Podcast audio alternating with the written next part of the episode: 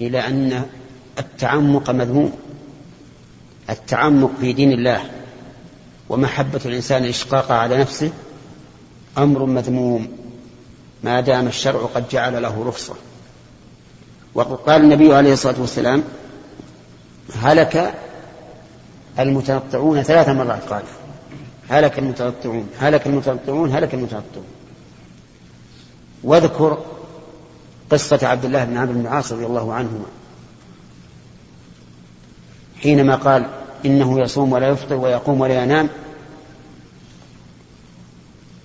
فبين له الرسول عليه الصلاة والسلام أن لنفسه عليه حقا ولأهله عليه حقا ولربه عليه حقا.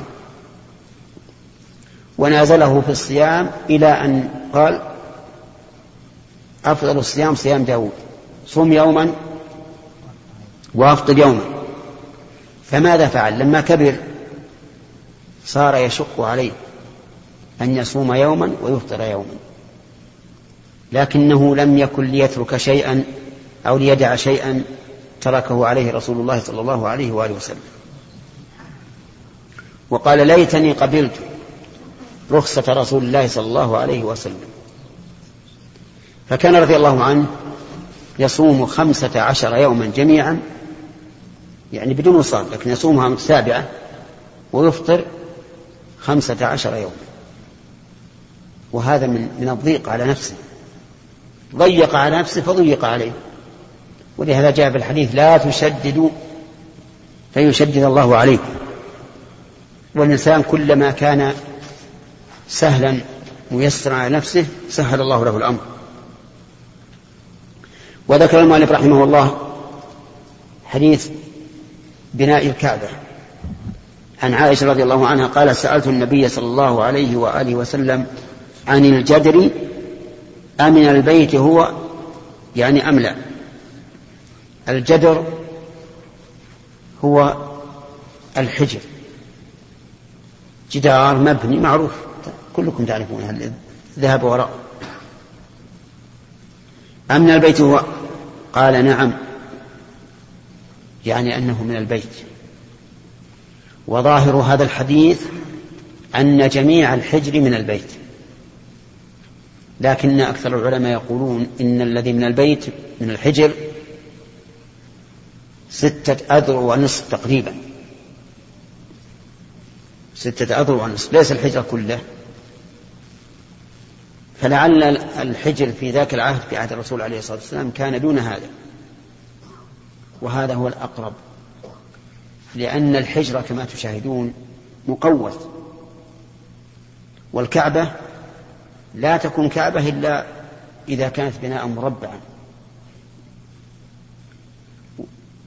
ولهذا نقول الأقرب أنه من من حيث يبتدئ التقويس تنتهي الكعبة. من حيث يبتدئ تنتهي. وكأن الذي بناه مقوسا والله أعلم. كأنه أراد أن لا يكون مربعا فيتمسح الناس بأركانه كما يتمسحون بالحجر والركن اليماني. لأن إذا كان مقوسا ما فيه أركان تمسح بخلاف ما لو كان مربعا. ونظير هذا ما فعله بعض الولاة في الشادروان أتعرفون الشادروان الشادروان العتبة النبية في أسفل الكعبة. دائرة عليها.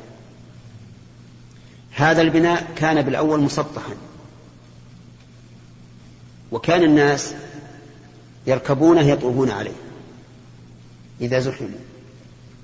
لأنه كان مسطح فجاء بعض الخلفاء جزاهم الله خيرا وجعله غير مسطح. بحيث لا يتمكن الإنسان من إيش؟ من الوقوف عليه والطواف به لأنهم يرون أنه من أصل الكعبة.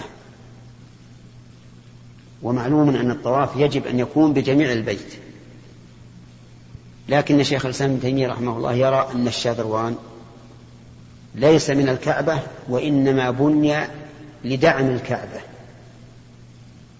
فهو عماد لها وليس منها. ولكن الاحتياط لا شك أن يطوف الإنسان من وراء الشذروة أقول يظهر لي والله أعلم أن الحجرة من حين التقويس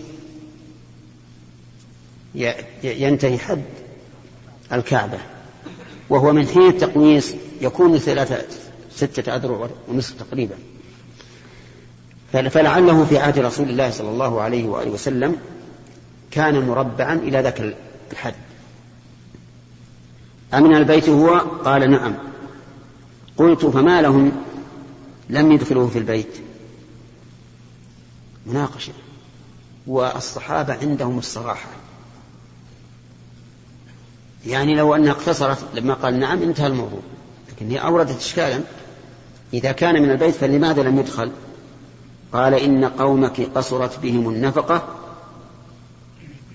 يعني فلم يتمكنوا من بناء البيت كله. لكن لماذا اختاروا تلك الجهة؟ نعم اختاروا تلك الجهة لأن الجهة اليمنية فيها الحجر والركن اليماني. ولا يمكن أن تختل فلهذا رأوا أن يكون التقصير من الجهة الشمالية. انتهى الإشكال. ولا لا؟ أو ما انتهى. انتهى. قصرت بهم النفقة وعجزوا أن يبنوا بقيتها. لكنك تتعجب. وكيف عجزوا أن يبنوا بقيتها مع أنهم أصحاب إبل وأصحاب أموال ولهم تجارات من الشام تجارات من اليمن وفيهم الأغنياء فلماذا لا فلماذا قصرت بهم النفقة؟ لأنهم اختاروا أن لا يبنوا من شيء محرم لا من الربا ولا من الميسر قالوا لا يمكن أن نبني بيت الله إلا بأطيب أموالنا. وهذه من حماية البيت سبحان الله. كفار لا يحلون ولا يحرمون. لكن حمى الله البيت أن يبنى بكسب حرام. ها؟ حمى الله البيت أن يبنى بكسب حرام. طيب فقصرت بهم النفقة فبنوه على هذا. جاء إشكال آخر من عائشة رضي الله عنها. قالت قلت فما شأن بابه مرتفعا؟ وهي حجرة من الحجر. والمفروض أن تكون أن يكون بابها لاطئا بالأرض حتى يدخله من يدخل من الناس أو أن يكون له درج إذا رفع. لكن الدرج ممتنع لأن الدرج يعيق الطائفين. فما بالهم رفعوه؟ قال فعلى ذلك قومك ليدخلوا من شاءوا ويمنعوا من شاءوا. تحكم والعياذ بالله. لجل من شاء أن يدخلوه إذا جاء إنسان كبير ذو جاه أو غنى أو ما أشبه ذلك دخلوه في الكعبة. وإذا جاء من سواه قالوا الباب مغلق والعتبة رفيعة. ولم يدخلوه. ثم قال عليه الصلاة والسلام لولا أن قومك حديث, حديث عهدهم بالجاهلية فأخاف أن تنكر قلوبهم أن يدخل الجابر في البيت وأن ألصق بابه في الأرض. يعني لفعلت. الشاهد من هذا الحديث قوله لولا أن قومك حديث عهد فبين الرسول عليه الصلاة والسلام المانع له من إعادة البيت على قواعد إبراهيم وعلى الوصف الذي ذكره وهو أن قريشا كانوا حديث عهد بالكفر والكافر لضعف إيمانه ولأن الإيمان لم يرسخ في قلبه يستنكر كل شيء كل شيء ينسلك. فأخاف أن تنكر, أن تنكر قلوبهم. يعني ما أفعل لفعلت. ففي هذا الحديث درء المفاسد وأنها أولى من من جلب المصالح. وهذه القاعدة سليمة لكنها مشروطة بأن تتساوى المفاسد والمصالح. أو ترجح جانب أو يرجح جانب المفاسد. أما إذا ترجح جانب المصالح فإنه يغطي المفاسد. فهنا لا يترجح جانب المصلحة لأن المفسدة التي يخشى منها مفسدة عظيمة وهي الكفر الرجوع في الكفر. فتحصل فتنة عظيمة لقريش وربما يعود الأمر جدعا بعد أن فتحت مكة. وفي هذا الحديث حكمة الرسول عليه الصلاة والسلام وأنه يجب علينا أن نتأسى به. فإذا رأينا بعض المصالح التي نرى أنها لا أنه لا بد منها يخشى منها عاقبة سيئة فإننا ندعها نسكت. نصبر حتى يعود الأمر على ما ينبغي. ولهذا لما تولى عبد الله بن الزبير رضي الله عنه لما تولى الخلافة في مكة بل على الحجاز كله مكة والمدينة وما كان تابعا له لهما بنى الكعبة على الوجه الذي تمناه الرسول عليه الصلاة والسلام. أدخل الجدر وبناها على قواعد إبراهيم وجعلها باب جعل لها بابين بابا يدخل منه الناس وبابا يخرجون منه. ثم لما حصلت فتنة الحجاج ورماها بالمنجنيق والعياذ بالله وهدمها ودخل مكة عنوة مع أن الرسول قال لا تحل لأحد بعدي لكنه خالف والعياذ بالله. خالف. وقتل عبد الله بن الزبير رضي الله عنه وصلبه وجيء إلى أمه أسماء بنت أبي بكر رضي الله عنهما وأخبروا أخبرت بما فعل الناس به فقالت ما الذي يضر الشاة بعد سلخها؟ رضي الله عنها. صبر واحتساب. لهذا أمر عظيم. هدمها هدمها الحجاج. بالمنجنيق ثم لما استولى هدمها كلية وأعادها على بناء قريش. أعادها على بناء قريش. والله أعلم بنيته. هل قصده أن الرسول أقر هذا البناء إلى أن مات وأقره الخلفاء الراشدون؟ أو أن قصده الانتقام مما فعله عبد الله بن الزبير؟ الله أعلم بنيته. لكن عبد الملك بن مروان لما بلغ هذا الحديث قال لو علمت به لمنعت الحجاج من هدمها وبنائها على ما كانت عليه في الجاهلية. طالت المدة تولى الرشيد بن هارون فأراد أن يهدمها ويعيدها على ما تمناه الرسول عليه الصلاة والسلام. فاستشار الإمام مالك مالك رضي الله عنه ورحمه قال لا تجعل بيت الله ملعبة للملوك. كلما جاء ملك هدمه وأعاده على ما يريد. فتركه وبقي على ما هو عليه. ولكننا نقول ما أراده النبي صلى الله عليه وآله وسلم حصلوا لله الحمد على وجه أكمل مما نتوقع. لأنه لو بني على قواعد إبراهيم مسقوفا وجعل له بابان باب يدخلون منه الناس وباب يخرجون منه لأهلك الناس بعضهم بعضا. لا سيما في مثل عصورنا هذه وجهالة الناس. أما الآن فإن له بابان فإن له بابين بابا يدخل منه الناس وبابا يخرجون منه بالهواء الطلق. أليس كذلك؟ لأنه بين الكعبة القائمة والجدر. بابين باب يدخل منه الناس وباب يخرجون منه. فما أراده النبي عليه الصلاة والسلام حصل لله الحمد مع زوال المفسدة. مع زوال المفسدة. ثم إن في بقائه هكذا جدرا دون أن يكون كعبة مبنية كلها فيه أيضا امتحان وإذعان. كيف ذلك؟ لو كانت بناية واحدة لكان الناس يطوفون بها اضطرارا.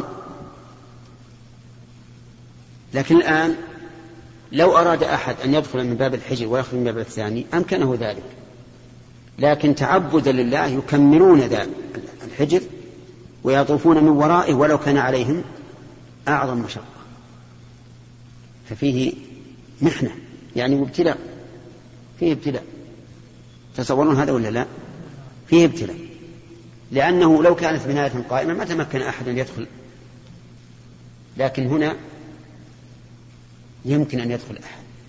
لكن إذا قال الإنسان سأكمل ما أمرني به الله وليطوفوا بالبيت وأطوف من وراء الجدر. صار في هذا إيه، امتحان للعباد في أداء العبادة. والله الله سبحانه وتعالى عليم حكيم. عسى أن تكرهوا شيئا وهو خير لكم. وقال فإن كرهتموهن فعسى أن تكرهوا شيئا ويجعل الله فيه خيرا كثيرا. وهذه من حكم الله عز وجل. ثم ذكر المؤلف حديث الأنصار إذا كان يمكن نأخذه. نعم. الأنصار لأن يرجئه لليلة القادمة إن شاء الله لأنه مهم وفيه عبر عظيمة هذا الحديث له قصة وهو أن النبي صلى الله عليه وآله وسلم لما رجع من حنين وقسم الغنائم وأعطى المؤلفة قلوبهم وأعطى المؤلفة قلوبهم كثيرا من الأموال. تكلم بعض الناس من الأنصار بكلام لا يليق بهم لكن كما قال الله عز وجل وتحبون المال حبا جما وإنه لحب الخير لشديد. من أجل النار تكلموا بكلام لا يليق بهم. قال بعضهم إن محمدا لقي قومه فصار يعطيهم وتركهم. فلما سمع النبي صلى الله عليه وسلم بهذا أمر أن يجتمعوا في مكان خاص بهم. فاجتمعوا. فجاءوا إلى النبي صلى الله عليه وآله وسلم فقالوا إننا اجتمعنا. قال هل فيكم أحد يعني سواكم؟ قالوا أبدا إلا فلان. كان كانوا هم أخواله. فقال ابن أخت القوم منهم. ثم جاء بهم ثم جاء إليهم وخطب بهم خطبة بليغة عظيمة. ساقها في عمدة الأحكام بطولها. ذكرهم عليه الصلاة والسلام بما أنعم الله به عليهم من بعثة النبي عليه الصلاة والسلام. وقال لهم ألم أجدكم ضلالا فهداكم الله بي ألم أجدكم فقراء عالة فأغناكم الله بي ألم أجدكم متفرقين فألفكم الله بي كلما قال قولا قالوا الله ورسوله أمن يعني أعظم منا فقال لو شئتم لقلتم جئتنا طريدا فآويناك. وذكر أشياء نسيتها. فبين عليه الصلاة والسلام أنه كما أن له عليهم فضلا فلهم عليه فضل أيضا. وهذا من حكمته وعدله. ثم خطب هذه الخطبة العظيمة أتم هذه الخطبة العظيمة بقوله لولا الهجرة لكنت امرأ من الأنصار. لكن الهجرة تمنعه أن يكون من الأنصار لأنها أعلى وأفضل. فالمهاجرون جمعوا بين الهجرة بترك ما يحبون وبين النصرة والأنصار عندهم النصرة وهم في بلادهم وفي أموالهم. ولو سلك الناس وفي هذا إشارة إلى مسألة تقدم الكلام عليها. أن عيسى عليه الصلاة والسلام لا ينبغي أن نصفه, أن نصفه بالصحبة وهو في مقام أعلى. فنقول لولا النبوة لكان من الصحابة مثلا لكنه نبي والنبوة أعلى. فيقول لولا الهجرة لكنت امرأ من الأنصار. ولو سلك الناس واديا وسلكت الأنصار واديا أو شعبا لسلكت وادي الأنصار أو شعب الأنصار. وهذا فخر عظيم. أن يدع النبي صلى الله عليه وآله وسلم الناس ليكون مع الأنصار. الناس كثار والأنصار شعار. الشعار الثوب الذي يلي الجسد والدثار ما فوقه. إنكم ستلقون بعدي أثرة فاصبروا حتى تلقوني على الحوض. فجعلوا يبكون حتى خضبوا لحاهم من الدموع رضي الله عنهم. واقتنعوا أعظم اقتناع. وهذا دليل على أنه ينبغي للإنسان أن يطيب قلوب الناس إذا رأى أنهم وجدوا عليه شيئا حتى يزول ما في قلوبهم. فها هو النبي عليه الصلاة والسلام أرفع من, من, من الأنصار وأرفع من المهاجرين وأكرم الخلق عند الله يتودد إلى الأنصار هذا التودد ويطيب قلوبهم هذا التطيب. الشاهد من هذا الحديث في, في هذا الباب قوله لولا الهجرة ولو سلكت ولو سلك الناس. وهذا يقصد من أي الأقسام الثلاثة التي ذكرنا؟ من الخبر. هذا من من الخبر. نعم. كتاب أخبار الآحاد. باب ما جاء في إجازة خبر الواحد الصدوق في الأذان والصلاة والصوم. نعم. والفرائض. ها؟ عن الوصال؟ نعم. لا بأس به. هذا ما لم ينهى عنه. قال أيكم أراد أن يواصل فليواصل إلى السحر. نعم.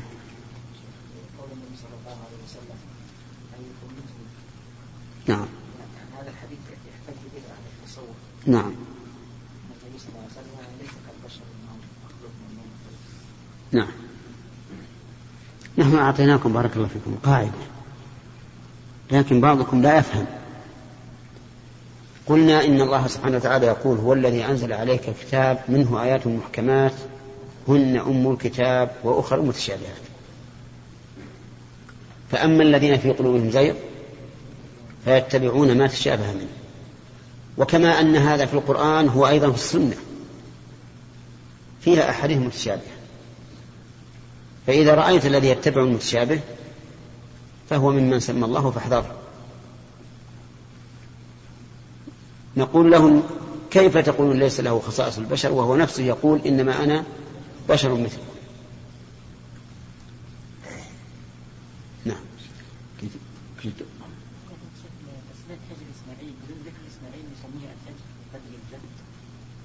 نقول الحجر ونقول الحطيم ونقول الجدر.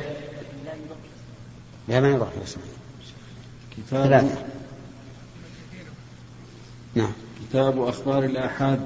باب ما جاء في إجازة خبر الواحد الصدوق في الأذان والصلاة والصوم والفرائض والأحكام.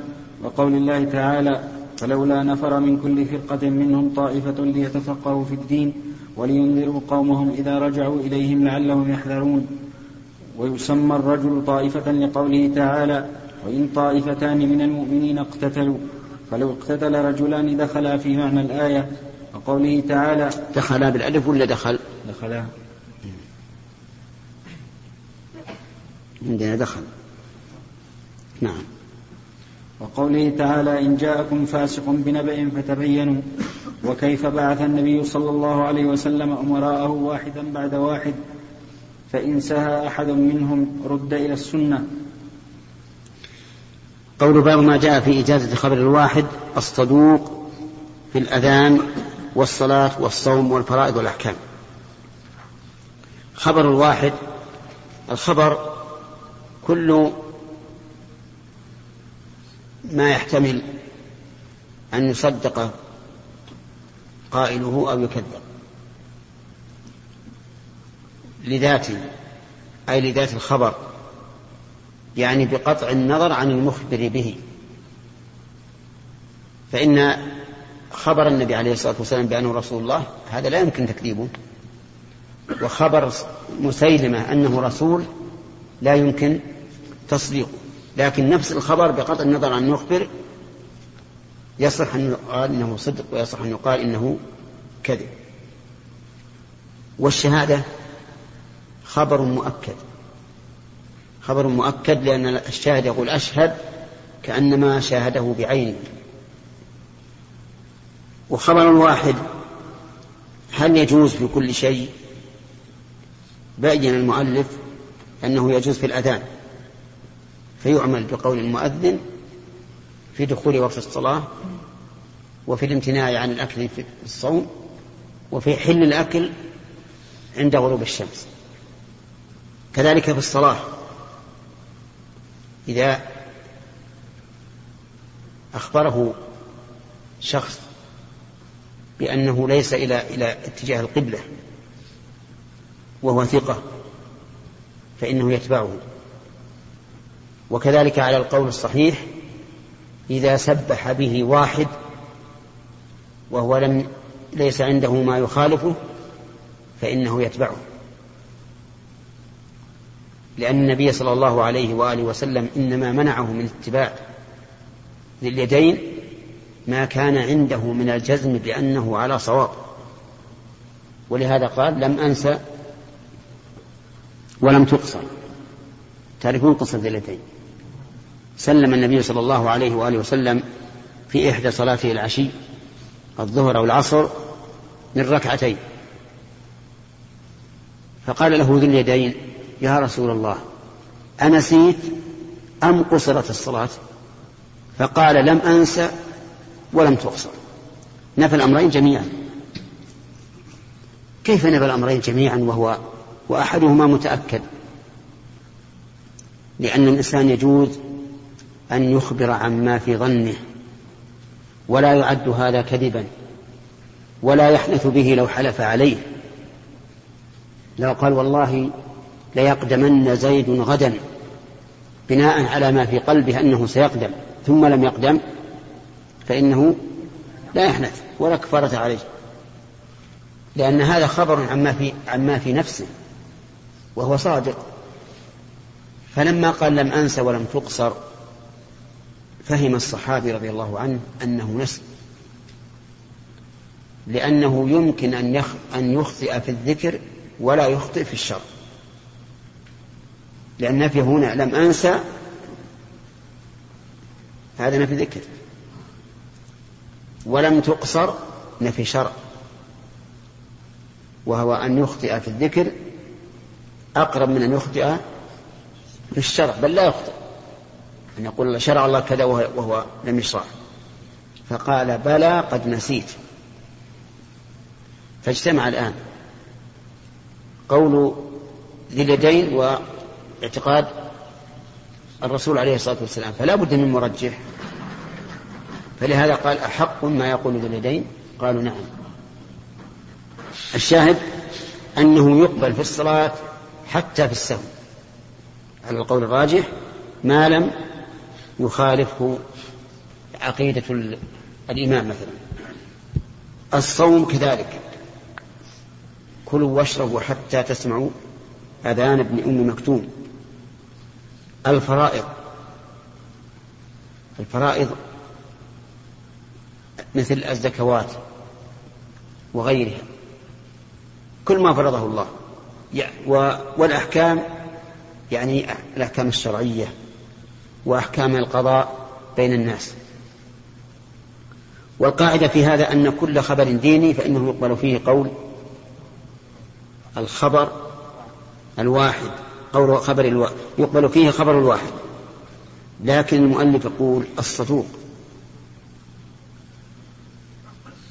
يعني الذي يغلب على الظن صدقه لأمانته ومعرفته. فأما من يغلب على الظن كذبه فإنه لا يقبل. فلو أن فلو تراءى الناس الهلال. وقال رجل ضعيف البصر رأيت وقال الأقوياء الأقوياء في البصر لم نره. فماذا نعمل؟ نأخذ بقوله؟ لا ما نأخذ بقوله لأنه ضعيف البصر. وضعيف البصر ربما يرى الواحد اثنين أو ثلاثة. نعم وربما يرى الثلاثة اثنين أو واحد. ويذكر أن شريحا القاضي أو غيره أنه جاء إليه رجل ثقة أمين فقال إني رأيت الهلال. وكان قد ترآه مع الناس. فقال الناس لم نره. هذا الرجل قال رأيته والناس كلهم قالوا ما رأينا. فالقاضي توقف. هذا ثقة والناس خالفوه. فقال اذهب أو قم معي. قم معي نرى الهلال نتراءى الهلال فقام معه فتراءى الهلال. فقال أتراه قال نعم. والقاضي لا يراه. فمسح حاجبه. قالوا تراه الآن؟ قال لا أراه. وإذا هي شعرة بيضاء في حاجبه متقوسة كأنها الهلال. فهذا لا نقبل شهادته. لأنه يغلب على ظننا أنه ليس بصادق. وإن كان ثقة كما أن حاد النظر إذا كان غير ثقة لا نقبله لعدم ثقتنا بقوله كذلك ضعيف البصر. نعم. ثم قال وقول الله تعالى فلولا نفر من كل فرقة منهم طائفة. هذه هذا بقية الآية وأولها وما كان المؤمنون لينفروا كافة يعني في الجهاد. يعني ما كان لهم أن ينفروا جميعا ولكن فلولا نفر يعني فهل لا نفر من كل فرقة منهم طائفة وقال من كل فرقة منهم ليكون الجهاد موزعا على الجميع ولم يقل فلولا نفرت منهم طائفة من كل فرقة من الأوس من الخزرج من بطونهما من كل فرقة من كل فرقة منهم طائفة ليتفقهوا في الدين. ظاهر السياق أن التعليل للنافرين والحقيقة أنه للباقين الضمير في قوله ليتفقهوا للنافرين أو للباقين للباقين. لأن الذين ينفرون للجهاد إنما يقاتلون. والباقون عند الرسول صلى الله عليه وآله وسلم هم الذين يتفقهون. ولهذا قال يتفقهوا في الدين. ولينذروا قومهم إذا رجعوا إليهم يعني بما سمعوا من النبي صلى الله عليه وآله وسلم لعلهم يحذرون. وفي هذه الآية دليل واضح على أن تعلم العلم الشرعي نعم. يقابل أو يعادل الجهاد في سبيل الله. ولهذا ذهب كثير من العلماء إلى أن طلبة العلم يستحقون من الزكاة وإن كان عندهم ما يكفيهم لنفقاتهم من أجل طلب العلم فيدخلون في قول الله تعالى وفي وفي سبيل الله. وفي قول يتفقه في الدين دليل على أن المدح إنما هو للفقه في الدين وليس للفقه في الواقع. الفقه في الواقع وسيلة لتطبيق الأحكام الشرعية. أما الأصل فهو الفقه الفقه في الدين. ولهذا قال يتفقه في الدين. وهذا يطابق قول رسول الله صلى الله عليه وآله وسلم من يرد الله به خيرا يفقهه في الدين. وكثير من الناس اشتغلوا بأحوال العالم ليفقهوا الواقع لكن فاتتهم أوقات كثيرة لو تفرغوا فيها لطلب للفقه في الدين لكان خيرا لهم وأولى. ونحن لا ننكر أن يكون عند الإنسان فقه وعلم بأحوال الناس ولكننا نقول خير من ذلك أن يتفقه في دين الله ثم يطبق الواقع بعد أن يعرفه على ويحكم عليه بما تقتضيه هذه هذا الفقه. قال البخاري ويسمى الرجل طائفة. مع أن قوله من كل فرقة منهم طائفة. ليتفقهوا أي الباقون في الدين وينذروا قومهم. يعني يكفي رجل واحد أن يتفقه وينذر واستدل لقوله بأن الطائفة تطلق على الرجل الواحد بقوله تعالى وإن طائفتان من المؤمنين اقتتلوا فأصلحوا بينهما فلو اقتتل رجلان دخل في معنى الآية. لو اقتتل رجلان وجب علينا أن نمنع بعضهما من بعض وأن نصلح بينهما. لكن دخوله في الآية فيه نظر وإنما يؤخذ من أدلة أخرى. وجه النظر قوله وإن طائفتان من المؤمنين اقتتلوا وهذه جمع. فلا بد أن تكون الطائفة اثنين فأكثر أو على الأقل اثنين من وجه, من وجه وواحد من وجه آخر ليصدق الجمع. لكن اقتتال رجلين لا شك أنه يجب علينا التدخل والمنع من الاقتتال والإصلاح بقدر المستطاع. وقوله تعالى وإن جاءكم إن جاءكم فاسق بنبأ فتبين أول الآية يا أيها الذين آمنوا إن جاءكم فاسق بنبأ فتبين. فاسق من الفاسق؟ الفاسق الخارج عن طاعة الله. الخارج عن طاعة الله.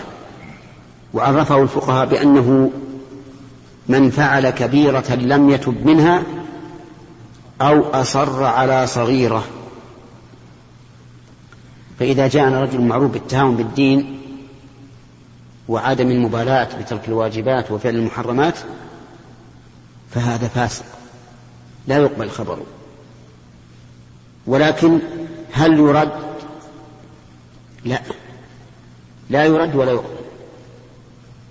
لا يرد ولا يقبل بل يتبين الأمر. ولهذا قال فتبينوا أي يطلب بيان الواقع. هل هو على حسب ما أخبر به هذا الفاسق أو لا؟ وهذا من الإنصاف. أن لا نرد خبر الفاسق مطلقا ولا نقبله مطلقا لأن قبوله مطلقا مشكل فهو متهم في في خبره. ورده مطلقا أيضا مشكل احتمال أن يكون صادقا. قال وكيف بعث النبي صلى الله عليه وآله وسلم مراءه واحدا بعد واحد نعم كان الرسول عليه الصلاة والسلام يبعث بدين الله الرجل الواحد وربما يردفه بآخر وربما لا يردفه فإن سهى أحد منهم رد إلى السنة. إن سهى يعني غفل. فإنه يرد إلى السنة وجوبا. نعم. الجملة الأخيرة وكيف بعث؟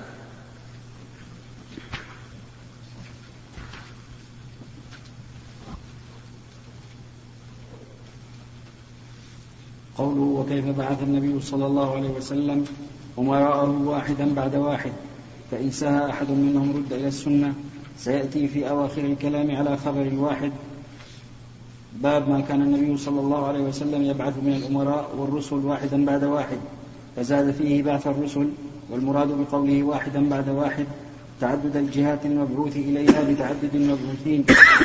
وحمله الكرماني على ظاهره فقال فائدة بعث الآخر بعد الأول فقال فائدة بعث الآخر بعد الأول يرده إلى الحق عند سهوه.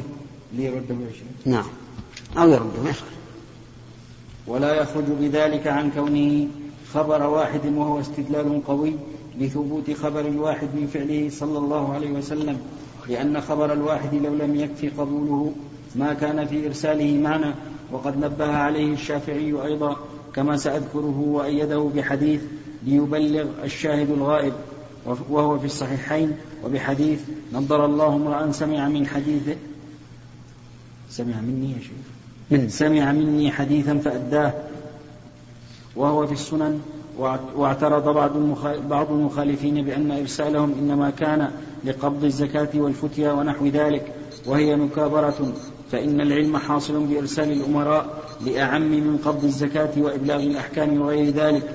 ولو لم يشتهر من ذلك إلا تأمير معاذ بن جبل وأمره له وقوله له إنك تقدم على قوم أهل, أهل كتاب فأعلمهم أن الله فرض عليهم إلى آخره. والأخبار طافحة بأن أهل كل بلد منهم كانوا يتحاكمون إلى الذي أمر عليهم. أمر. نعم. أمر عليهم. أنا قلت هكذا يا شيخ. خفضت كانوا يتحاكمون إلى الذي أمر عليهم ويقبلون خبره ويعتمدون عليه من غير التفات إلى قرينه. وفي أحاديث هذا الباب كثير من ذلك واحتج بعض الأئمة بقوله تعالى يا أيها الرسول بلغ ما أنزل, ما أنزل إليك من ربك مع أنه كان رسولا إلى الناس كافة ويجب عليه تبليغهم. فلو كان خبر الواحد غير مقبول لتعذر إبلاغ الشريعة إلى الكل ضرورة لتعذر خطاب جميع الناس شفاء شفاه شفاها وكذا تعذر إرسال عدد وكذا تعذر إرسال عدد التواتر إليهم وهو مسلك جيد ينضم إلى ما احتج به الشافعي ثم البخاري. واحتج من رد خبر الواحد بتوقفه صلى الله عليه وسلم في قبول خبر ذي اليدين ولا حجة فيه لأنه عارض لأنه عارض علمه. عارض. لأنه عارض علمه. نعم. لأنه عارض علمه. وكل خبر واحد إذا عارض العلم لم يقبل.